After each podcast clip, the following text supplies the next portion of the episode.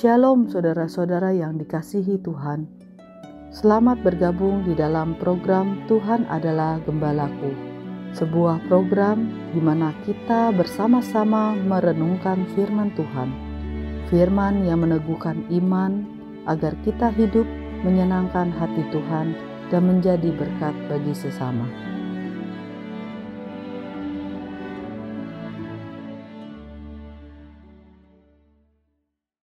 Shalom saudara-saudara yang dikasih oleh Tuhan.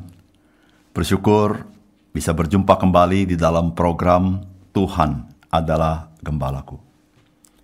Saudara-saudara, bagaimana pandangan saudara mengenai perjanjian lama? Saudara, ada orang-orang tertentu yang mengatakan perjanjian lama sudah tidak dibutuhkan lagi hari ini, sehingga kita tidak perlu membacanya. Tapi ada orang-orang tertentu yang justru ingin melakukan seluruh ritual-ritual dalam perjanjian lama pada masa kini. Nah, saudara yang kasih dalam Tuhan, bagaimana Yesus melihat perjanjian lama? Bagaimana Yesus melihat firman Tuhan? Saudara, inilah yang akan kita renungkan di hari ini dan di firman Tuhan menjadi berkat bagi kita.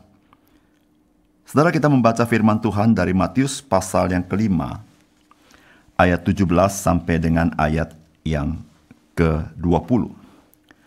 Saudara demikianlah perkataan Tuhan Yesus. Janganlah kamu menyangka bahwa aku datang untuk meniadakan hukum Taurat atau kitab para nabi. Aku datang bukan untuk meniadakannya, melainkan untuk menggenapinya. Karena aku berkata kepadamu sesungguhnya selama belum lenyap langit dan bumi ini, satu yota atau satu titik pun tidak akan ditiadakan dari hukum Taurat sebelum semuanya terjadi. Karena itu, siapa yang meniadakan salah satu perintah hukum Taurat, sekalipun yang paling kecil, dan mengajarkannya demikian kepada orang lain, ia akan menduduki tempat yang paling rendah di dalam kerajaan surga. Tetapi siapa yang melakukan dan mengajarkan segala perintah-perintah hukum Taurat, ia akan menduduki tempat yang tinggi di dalam kerajaan sorga. Maka aku berkata kepadamu, jika hidup keagamaanmu tidak lebih benar daripada hidup keagamaan ahli-ahli Taurat dan orang-orang Farisi, sesungguhnya kamu tidak akan masuk ke dalam kerajaan sorga.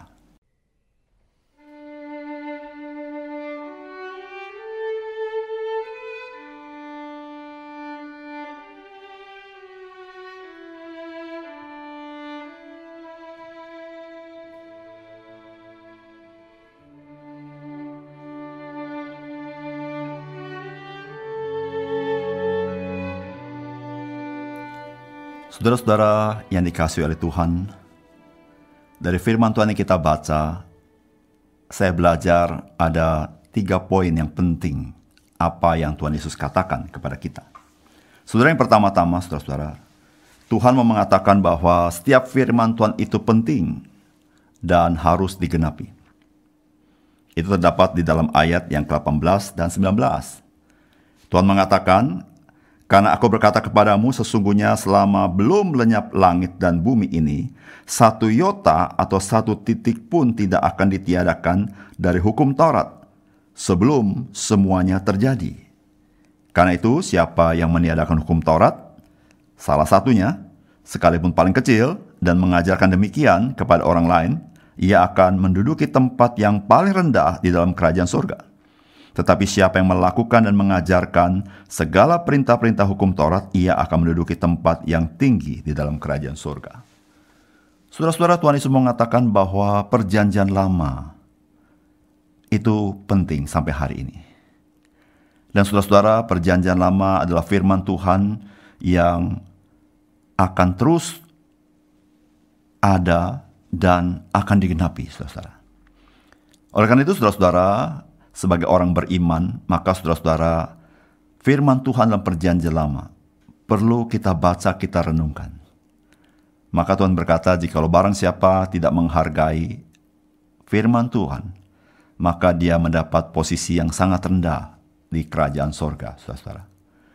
Nah, saudara-saudara, firman Tuhan begitu penting bagi hidup kita. Tidak ada bagian dari firman Tuhan yang sifatnya lebih inferior dari bagian yang lain. Tidak ada firman Tuhan yang lebih superior dari yang lain. Seluruh bagian firman Tuhan itu sama pentingnya, saudara-saudara. Nah, saudara-saudara yang kasih dalam Tuhan, orang-orang Yahudi pada zaman itu suka membagi firman Tuhan mana yang lebih utama, mana yang tidak utama, saudara-saudara.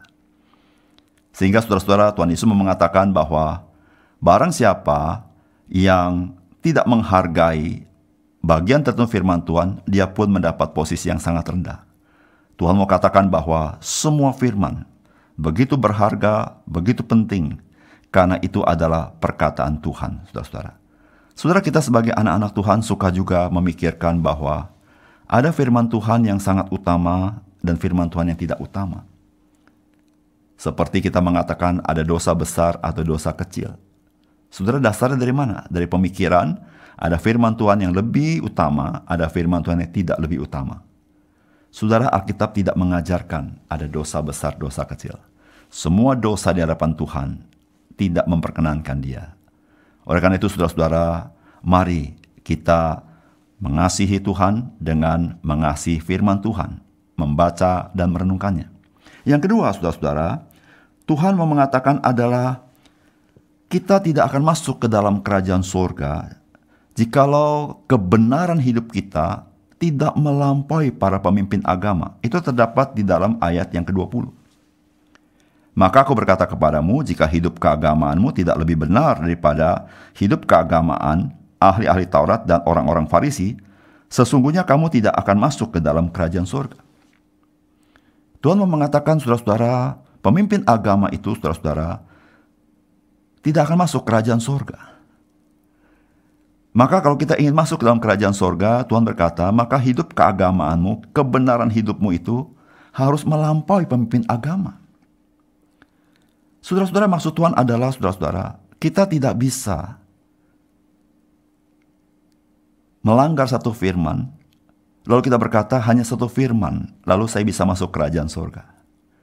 Saudara Tuhan mengatakan bahwa kita harus secara sempurna melakukan seluruh perintah Tuhan, barulah kita menjadi orang yang bisa masuk kerajaan surga.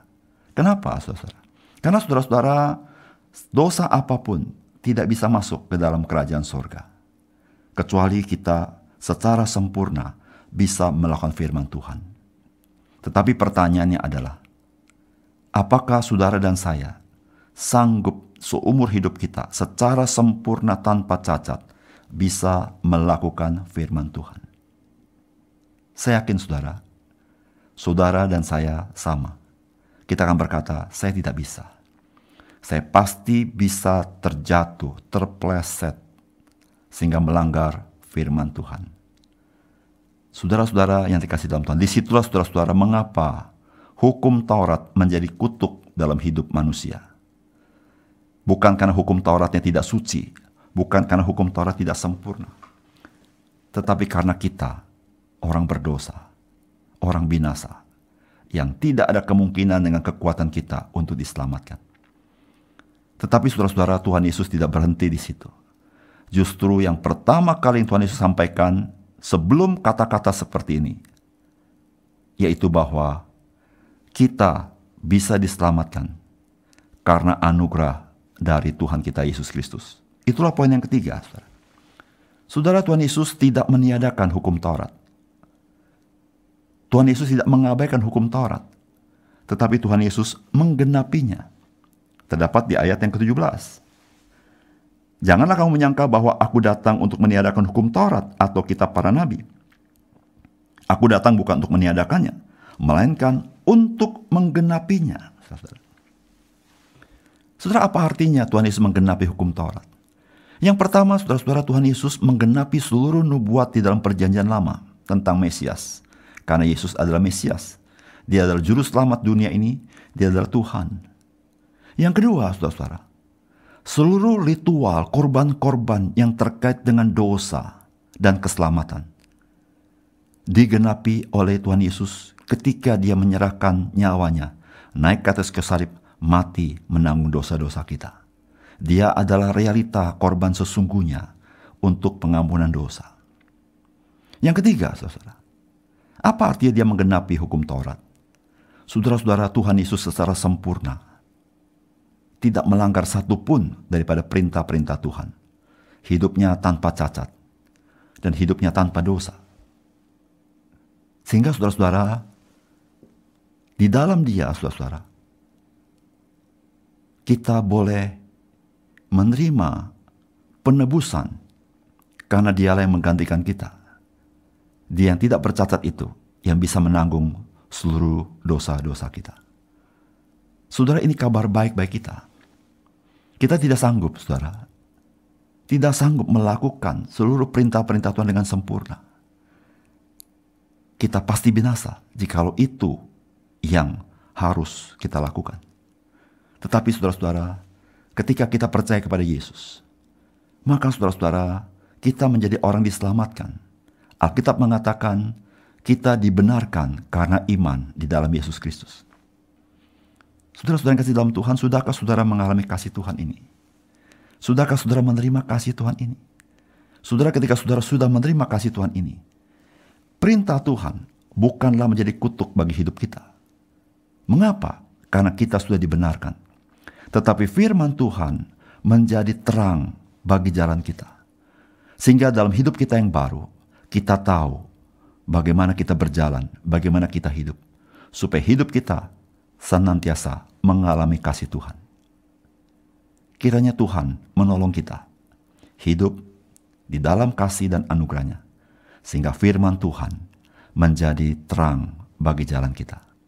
Mari kita berdoa. Bapa di surga, terima kasih untuk kebenaran firman-Mu. Terima kasih untuk anugerah yang Tuhan berikan kepada kami.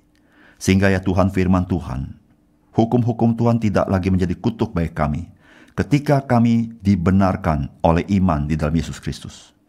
Sehingga di dalam dunia yang gelap, firman-Mu menerangi jalan kami. Kami tahu apa yang harus kami kerjakan. Kami tahu bagaimana menyenangkan hati Tuhan. Tuhan firman-Mu begitu penting. Firman-Mu begitu kaya. Firman-Mu begitu indah. Tuhan tolong kami, supaya kami mencintai firman Tuhan sebagaimana kami mencintai Engkau. Hidup di dalam rencana Tuhan hidup sesuai dengan firman-Mu. Berikan kami kekuatan, supaya kami boleh memperkenankan hati Tuhan. Terima kasih Tuhan, di dalam nama Tuhan Yesus kami berdoa. Amin.